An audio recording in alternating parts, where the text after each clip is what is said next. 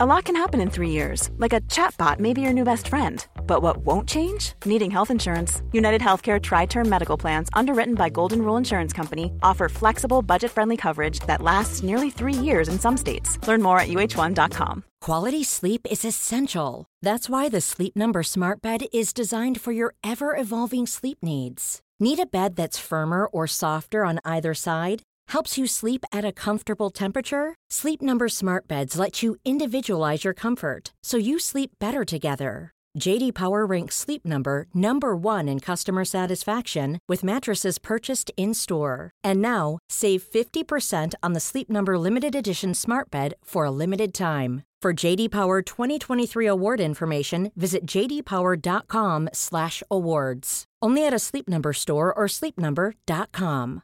Hi, I'm Daniel, founder of Pretty Litter. Cats and cat owners deserve better than any old-fashioned litter. That's why I teamed up with scientists and veterinarians to create Pretty Litter. Its innovative crystal formula has superior odor control and weighs up to 80% less than clay litter. Pretty Litter even monitors health by changing colors to help detect early signs of potential illness. It's the world's smartest kitty litter. Go to prettylitter.com and use code ACAST for 20% off your first order and a free cat toy. Terms and conditions apply. See site for details. Cool fact a crocodile can't stick out its tongue. Also, you can get health insurance for a month or just under a year in some states. United Healthcare short term insurance plans, underwritten by Golden Rule Insurance Company, offer flexible, budget friendly coverage for you. Learn more at uh1.com.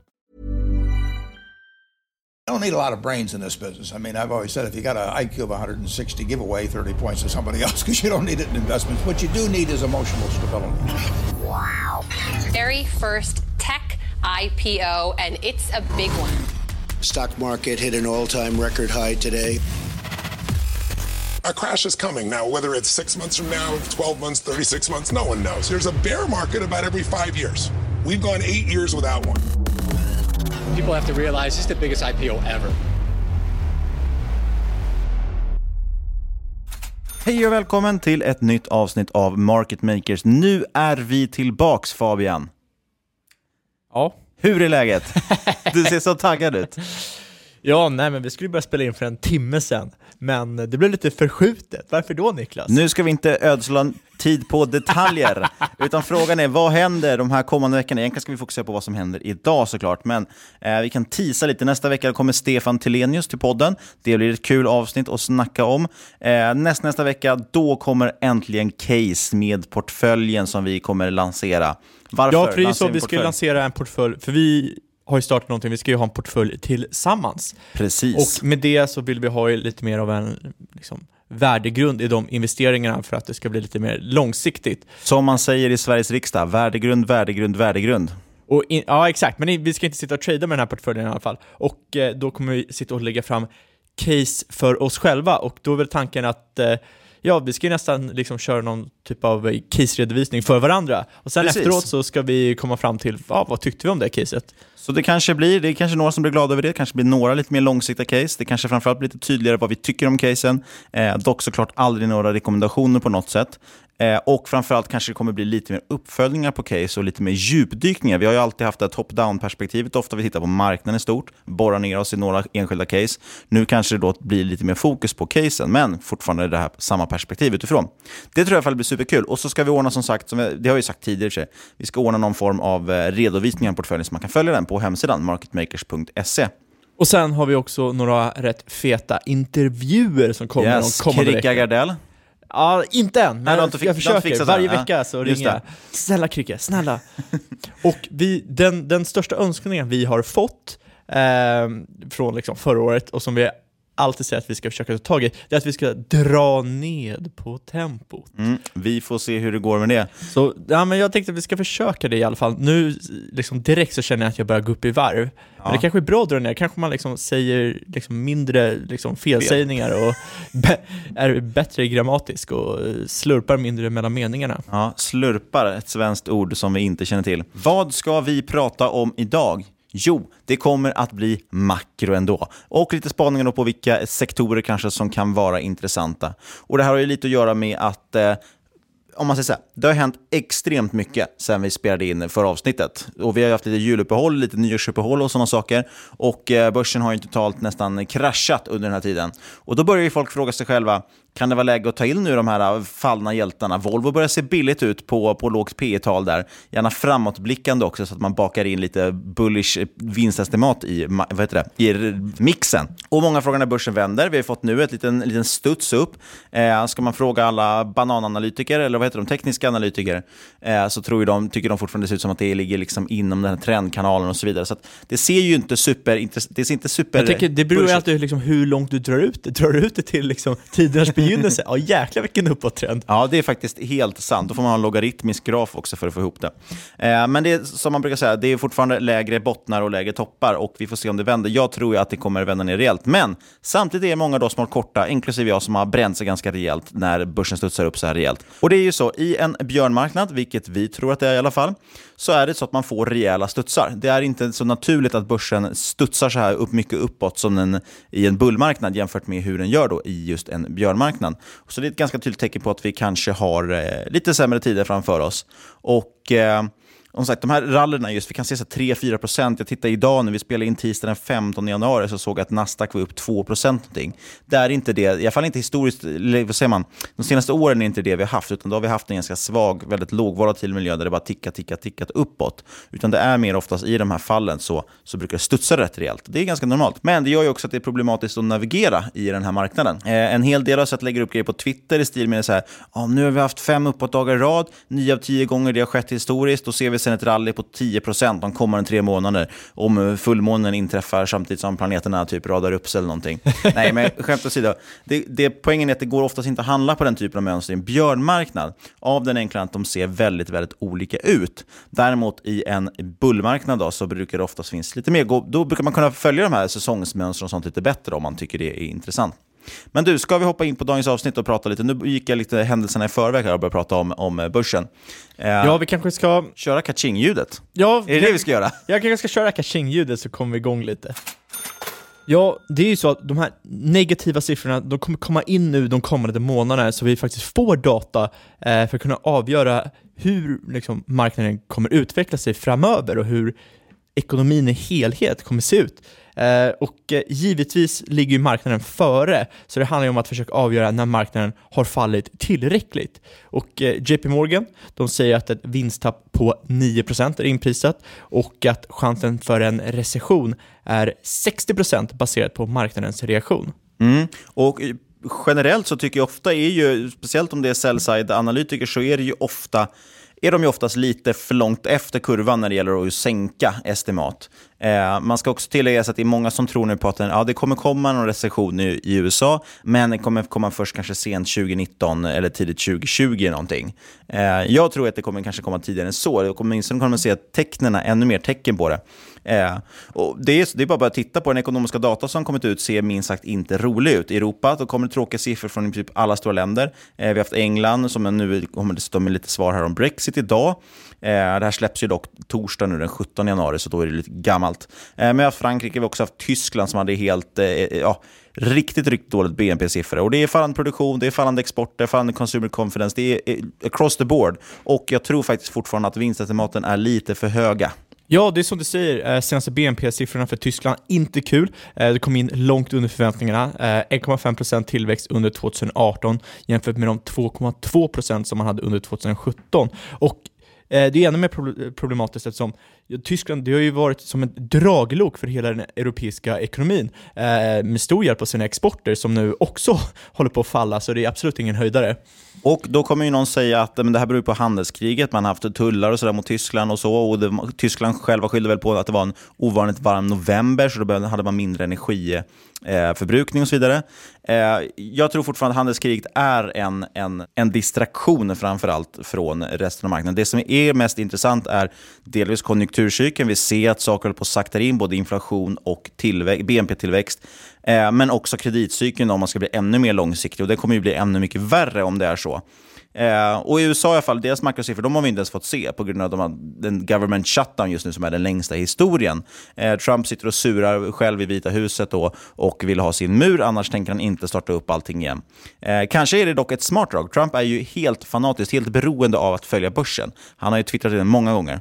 Men på tal om Trump, såg du den här bilden när han skulle bjuda ut det amerikanska fotbollslaget till Vita huset och bjuda dem på buffé? Så hade han köpt in, eh, jag tror han hade köpt in, eh, vad det, 200 cheeseburgare från McDonalds. Det är snyggt. och lagt upp på silverfat. Det har jag faktiskt helt missat. Jag ska vidarebefordra den sen efter podden. Ja. Men, Men, det jag måste bara säga, för, för han har ju tweetat många gånger om, om börsen, han har även uttalat sig, det har vi faktiskt ett, ett citat av i vårt intro, i vår lilla jingle. Eh, han, han följer ju börsen som att det vore någon slags indikator på amerikansk ekonomi går. Eh, alltså han är, för honom är det väldigt viktigt att börsen går upp. Går den dåligt så brukar han ju twittra om det och, och ringer runt till eh, Plunge Protection Team och det ena och det andra. Eh, så jag tänker att det, det kanske är smart drag av honom att köra en government shutdown, just så att då kan inte BNP-siffror och sånt läcka ut. Då kommer ju folk stå ovetandes. Alltså jag förstår samtidigt honom, för att hur ekonomin presterar, det är oftast liksom, de fröna är sådda sedan länge. Men den som sitter just nu, det är han som får skulden, eller, eller hon i vissa länder. Eh, så, att, så att jag förstår ju helt, liksom, jag förstår helt om han är orolig för det. Så är det, och det ser man ju i alla, alla länder, inte minst i Sverige nu senast, att då tar man alltid sittande regering åt sig eh, när det går väldigt bra i ekonomin och man skyller på regeringen när det går väldigt dåligt i ekonomin. Men det har ju mer med mycket större drag att göra, mycket större saker än, än vilken regering som sitter där. Men okej, okay, slow down, Europa, USA, glömmer vi något land? Ja, vi glömmer ju Kina där. För eh, det är så att slowdown i Kina är på tapeten för rätt många och det är inte så att det drabbar inte bara Kina, det drabbar USA eh, och det drabbar ju i stort sett hela världen om eh, tillväxten i Kina avtar. Eh, USA, det är så starkt beroende av eh, Kina att John Malden, en rätt eh, kul snubbe som skriver om makroekonomi, han kallar länderna för Chimerica eftersom länderna är så ihopflätade. Och om Kinas ekonomi avmattas, ja då riskerar det även att starkt drabba USA. Och eh, ja, det finns ju många tecken på att ekonomin i eh, Kina inte bara är avtagande, utan att tillväxten bromsar in långt mycket snabbare och eller liksom hårdare än vad man tidigare hade trott. Det ser man inte minst på att de nu är ganska desperata och försöker bland annat. Eh, för något tag sedan här så var det ju eh, kreditgränserna, vill jag minnas att det var, eller vad heter det, reservkraven då på bankerna som man sänkte och nu sänker man även moms då bland annat och lite andra skatter i eh, Kina för att stimulera. Eh, bilförsäljningen också starkt avtagande, vilket är tecken på att medelklasstillväxten också kanske då är avtagande, eller deras ekonomi i alla fall. Och det har ju varit det som är bullish-caset så att säga i Kina. Ja, och sen är också många företag internationellt är starkt beroende av Kina och framförallt den tillväxt som Kina har haft. Eh, de har helt enkelt räknat med den här 6-procentiga tillväxten som Kinas BNP haft eh, och räknat in den i sina egna eh, prognoser varit en väldigt stark självklarhet. Kolla bara på typ AMD, vars försäljning är över 30% i Kina, eller Intel som har en försäljning över 20% eh, så ser man ju bara de här amerikanska bolagen, hur beroende de är av den kinesiska tillväxten. Ja, precis. Det är bara att kolla på Apple där som vi kommer komma in på lite senare också. Eh, men generellt så väntar vi oss som sagt en avtagande tillväxt, avtagande inflation. Och här vill vi vara väldigt noga med att påpeka att det är inte så att vi säger att det kommer bli negativt. Det är inte så att vi tror att USA kommer kliva in i minus 6% BNP-tillväxt. Vem vet, det kanske blir så. Vi kanske får någon depression och allt. Men, men troligtvis handlar det snarare om att man har haft en typ 3% tillväxt och den kommer minska. Speciellt nu kommer det bli intressant just med vinstestimaten. För att alla, vi har haft nio kvartal i rad med, med ökad EPS-tillväxt tillväxt och den kommer antagligen nu plattas av, speciellt när man har haft skattereformen som man har extremt svåra jämförelsetal i, i väst. Liksom. Och Då kan man fråga hur mycket vi har tappat hittills. Är det tillräckligt? Alltså, och nu kommer jag in på börsen istället, och hur börsen har gått. Eh, som sagt, Hiring for your small business? If you're not looking for professionals on LinkedIn, you're looking in the wrong place. That's like looking for your car keys in a fish tank. LinkedIn helps you hire professionals you can't find anywhere else, even those who aren't actively searching for a new job but might be open to the perfect role. In a given month, over 70% of LinkedIn users don't even visit other leading job sites. So start looking in the right place. With LinkedIn, you can hire professionals like a professional. Post your free job on linkedin.com slash people today. Many of us have those stubborn pounds that seem impossible to lose, no matter how good we eat or how hard we work out. My solution is PlushCare PlushCare is a leading telehealth provider with doctors who are there for you day and night to partner with you in your weight loss journey. They can prescribe FDA-approved weight loss medications like Wagovi and zepound for those who qualify. Plus, they accept most insurance plans. To get started, visit plushcare.com slash weight loss. That's plushcare.com slash weight loss. One size fits all seemed like a good idea for clothes Nice dress. Uh, it's a it's a t-shirt. until you tried it on. Same goes for your healthcare. That's why United Healthcare offers a variety of flexible, budget friendly coverage for medical, vision, dental, and more. So, whether you're between jobs, coming off a parent's plan, or even missed open enrollment, you can find the plan that fits you best. Find out more about United Healthcare coverage at uh1.com. That's uh1.com. Quality sleep is essential. That's why the Sleep Number Smart Bed is designed for your ever evolving sleep needs. Need a bed that's firmer or softer on either side? Helps you sleep at a comfortable temperature? Sleep Number Smart Beds let you individualize your comfort so you sleep better together. JD Power ranks Sleep Number number 1 in customer satisfaction with mattresses purchased in-store. And now, save 50% on the Sleep Number limited edition Smart Bed for a limited time. For JD Power 2023 award information, visit jdpower.com/awards. Only at a Sleep Number store or sleepnumber.com. Since 2013, Bombas has donated over 100 million socks, underwear, and t-shirts to those facing homelessness. If we counted those on air, this ad would last over 1,157 days. But if we counted the time it takes to make a donation possible, it would take just a few clicks. Because every time you make a purchase, Bombas donates an item to someone who needs it. Go to bombas.com slash ACAST and use code ACAST for 20% off your first purchase. That's bombas.com slash ACAST, code ACAST.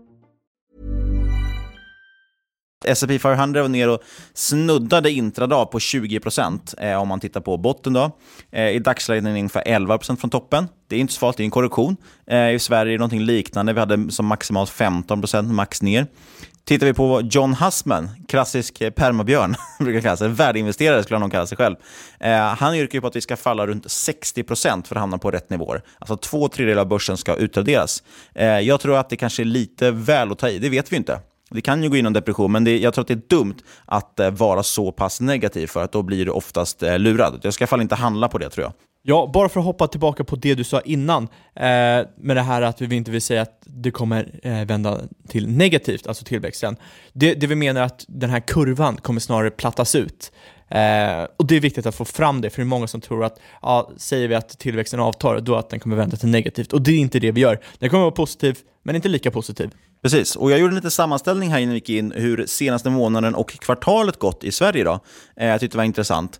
Tittar man på tre månaders utveckling så är ju faktiskt samtliga branscher, om delar in det så, ner. Och samtliga branscher handlas under det här magiska MA200. Eh, bäst bransch i Sverige senaste månaden är kraftförsörjning och telekom, som är upp 12% respektive 8%. Och något som är intressant nu, som många bör prata om, är just det här med kommersiella fastigheter kan vara ganska intressant, och just telekom. Då. Eh, och där tror jag vi kommer eventuellt eh, lyfta något case där nu om, om två veckor, kanske inom fastighet, så det tror jag blir lite intressant. Eh, men jag sa ju det tidigare att det, det, är lite problematiskt att navigera en nedåtgående marknad. Det är ju inte riktigt lika tydligt på något sätt. Det, det jag tycker är svårare i alla fall än en uppåtgående marknad. Och det gäller ju faktiskt också de här ekonomiska cyklerna, så både konjunkturcykeln och kreditcykeln. Vi har ju hävdat här förut att det är ganska lätt att identifiera var man är i cykeln och att det är ganska viktigt också. Eh, men däremot är det väldigt svårt att få till timing från det. Det är ju inte så himla enkelt. Eh, oftast då så kanske man inte dessutom är lite tidigt ute, speciellt om man är lite negativt lagd som person kanske. Eh, så frågan är hur man ska agera på den informationen, hur man ska liksom tajma och det, det kan man väldigt sällan. Ett exempel på extrema variationer eh, är snittlängden för en ex, eh, ekonomisk expansion. Och Snittlängden för en ekonomisk expansion utan en recession, det är 61 månader.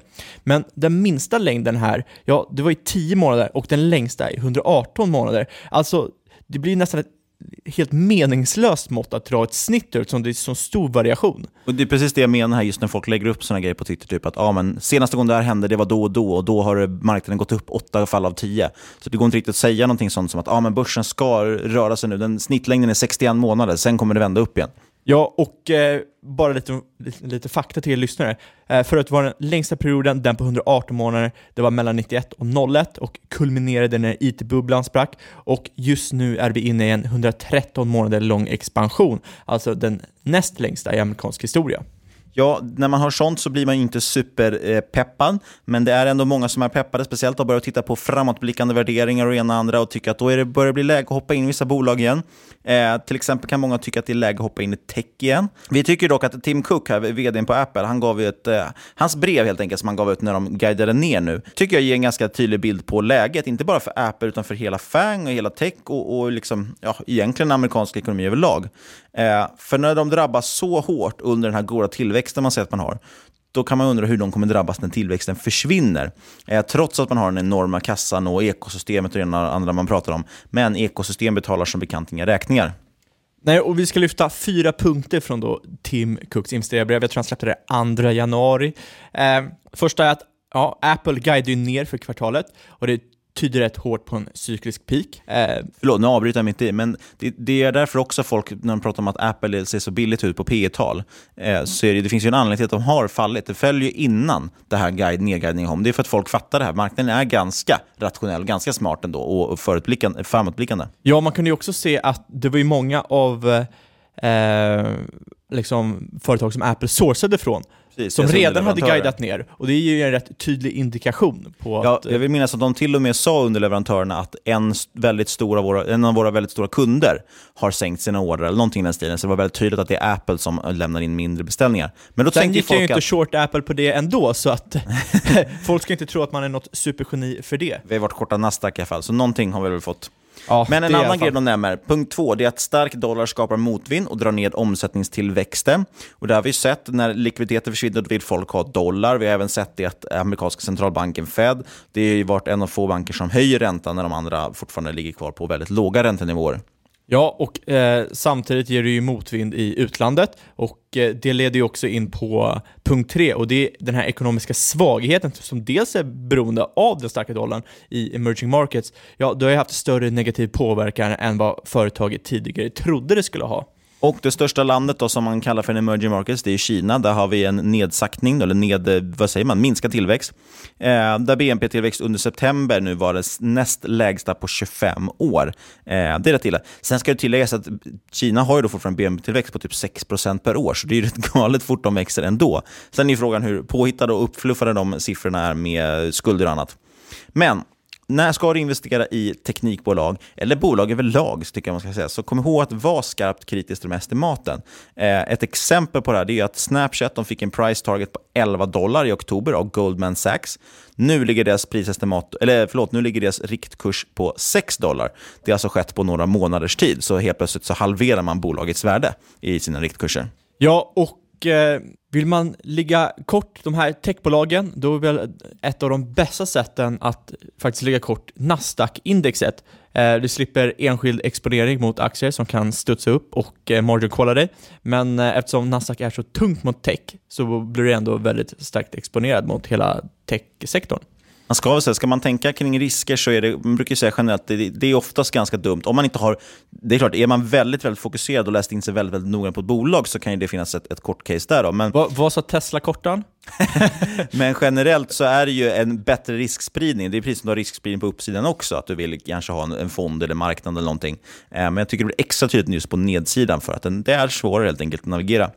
Eh, men jag kan i alla fall tycka att nivåerna man går in på nu om man, om man går kort över marknaden, eller framförallt Nasdaq, är lite lockande. Speciellt då inför den här rapportsäsongen som just kickat igång nu med de amerikanska bankerna. Som, eh, bägge nu, jag har sett City och JP Morgan i alla fall har jag följt och bägge har ju haft väldigt mycket sämre på både tradingsidan och faktiskt bostadslånssidan också. Och det är lite oroväckande. Ja, men JP Morgan är ju upp nu efter att Netflix släppte att de skulle öka sina abonnentkostnader. Precis, helt irrelevanta händelser, men det är ju lite märkligt. Ja, men kom ihåg det det vi sa förut med avtagande inflation och tillväxt. Det man kan förbereda sig för är att vi kan komma gå mot en makroläge där vi har avtagande tillväxt men tilltagande inflation. Det är någonting som kanske kommer. Vi har ju pratat lite om det här med både runaway inflation och stigande inflation och så vidare, att vi har trott att det ska komma.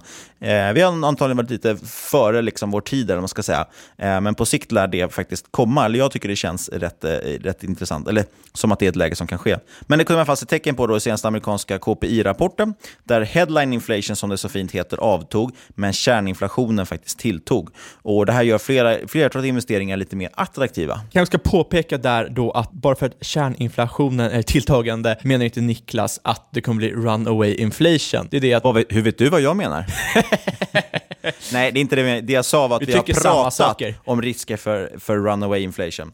Eh, däremot tror jag faktiskt på sikt just det tilltagande inflationen då, eh, men inte just precis nu. Men vad blir intressant då om, om Fed nu, de kanske gör en pivot helt plötsligt, eller en pivot, och eh, vill börja sänka räntor igen nu. Eh, speciellt när de har Trump då, som står och slamrar på dörren. Då är det superintressant, guld och gold miners, som vi snackade om för nästan exakt en månad sedan, eftersom det gynnas av en, att helt enkelt att tillväxtkurvan i inflation blir brantare, som man så fint kan säga. Och eh, då, ska, har man inte lyssnat på det, jag tror de flesta som lyssnar på det avsnittet har lyssnat på vårt guldavsnitt, men har man inte gjort det, hoppa tillbaka en månad och lyssna på det, för där säger vi att det behöver någon typ av katalysator för att gold miners ska bli intressant, och det, just det här kan ju vara den katalysatorn. Och eh, så ser vi även en bredare konsolidering som vi sa var en eh, risk, men om botten är nådd kan det ju snarare vara en eh, liksom litet fin plus i kanten. Ja, Så- vi hade häromdagen varit Gold Corp vart ju uppköpta.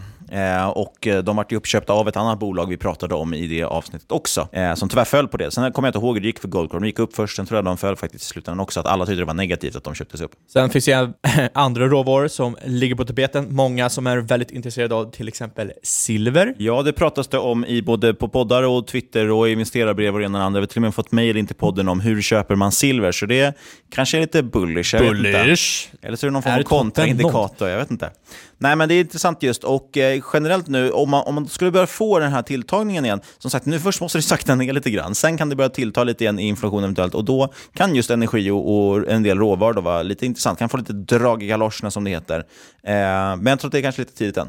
Sist men inte minst så kan vi ju nämna att dollarn troligtvis kommer fortsätta att vara stark, men att det här dollar dollarrallyt i citattecken ligger bakom oss. Eh, Risk-reward är ju rätt hög och då har ju dollarn redan fått kämpa igenom att slå in öppna dörrar så att säga. De har all möjlighet att ha ett stenhårt rally, men rallyt kanske inte har varit så starkt som det kanske skulle varit om allting stått rätt till. Och apropå att slå in öppna dörrar så kan jag ju nämna att jag samtidigt hört många som är negativa till dollarn just nu. Så det kan gå både upp och ner och sidledes. Wow! Då är har det vi så? täckt, då har vi Vilken grym analys. För då kan vi peka sen på det avsnittet och säga kolla, vi hade rätt. Ja, nej, men det ska bli i alla fall intressant nu att se hur det kommer gå. Det blir ett lite kortare avsnitt idag, vi är lite ringrostiga. Jag tror att vi kommer komma igång nu igen. Det känns bra. Framförallt känns det jäkligt spännande med den här portföljen. Så nästa vecka är vi tillbaks med Stefan Telenius i eh, hörlurarna. Och eh, då kommer vi dessutom också som sagt köra någon, något litet svep innan, eller nyhet eller vad vi nu kommer göra för någonting. Eh, det är väldigt mycket saker som kommer in den här veckan om man sig om makrodata. Det kanske vi inte kommer fokusera så mycket på. Utan kanske mer pratar om någonting om att eh, typ Netflix höjer sina abonnemangspris eller något. Vem vet? Nu eh, sluddrar jag bara. Nu bara jiddrar jag om, om ingenting. Ja, och så efter, veckan efter det så kommer vårt nya segment Köp eller inte köp. Oj. Med Fabian och Niklas. Trademark. Missa inte det. Och som vanligt, inget du har hört i denna podcast ska ses som rådgivning. Alla åsikter är våra egna eller vår gäst och eventuella sponsorer tar inget ansvar för det som sägs i Poddelipodden. Tänk på att alla investeringar är förknippade med risk och sker under eget ansvar. Om du tycker att vi har varit duktiga med vårt tempo, kontakta oss gärna på podcast.marketmakers.se och säg det, för då blir Niklas väldigt, väldigt, väldigt glad.